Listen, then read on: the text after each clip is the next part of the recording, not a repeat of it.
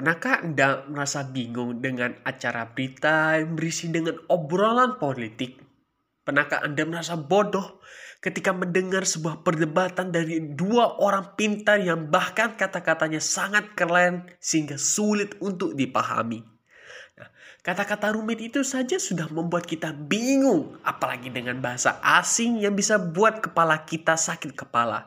Padahal tujuan dari sebuah kata sendiri adalah untuk mengucapkan sebuah perasaan atau gambaran dari suatu objek secara sederhana dan mudah untuk dipahami. Apakah tambah pusing?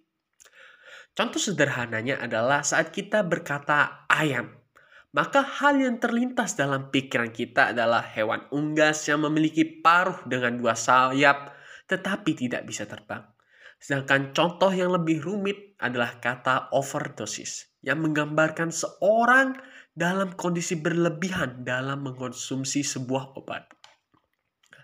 Hal yang menjadi sebuah masalah atau ketimpangan dalam pemahaman ini adalah ketika dua individu yang berbicara mempunyai kemampuan kosa kata yang berbeda. Apalagi dengan banyaknya profesi yang membuat lahirlah kosa kata baru setiap tahunnya.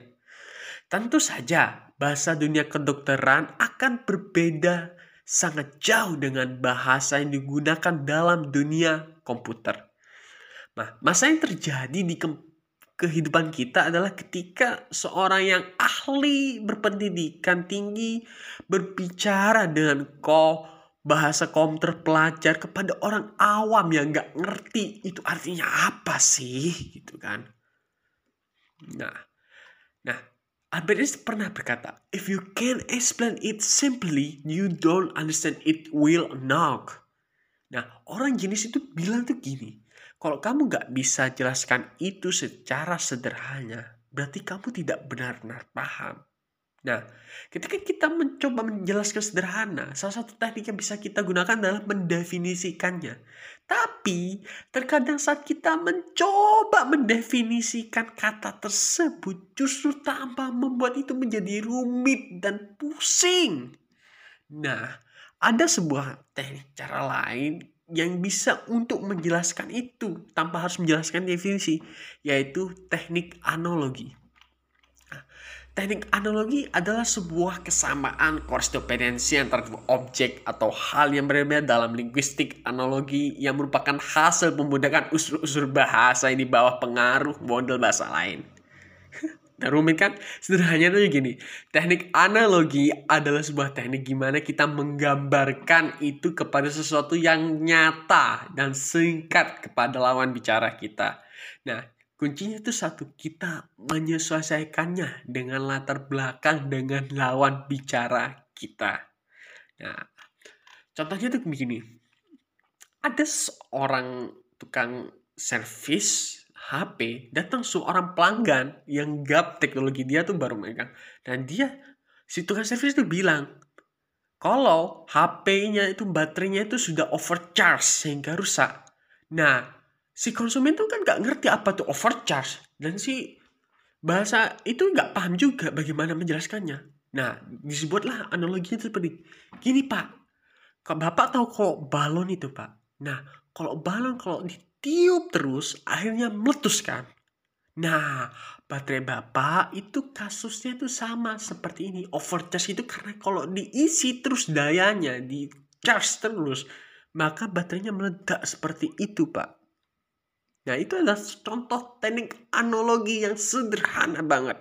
Nah, kalau dalam kehidupan pribadi saya, ketika seorang keponakan yang waktu itu usia lima tahun itu sedang bermain sebuah kereta kecil yang ditenagai oleh dua buah baterai gitu ya. Kayak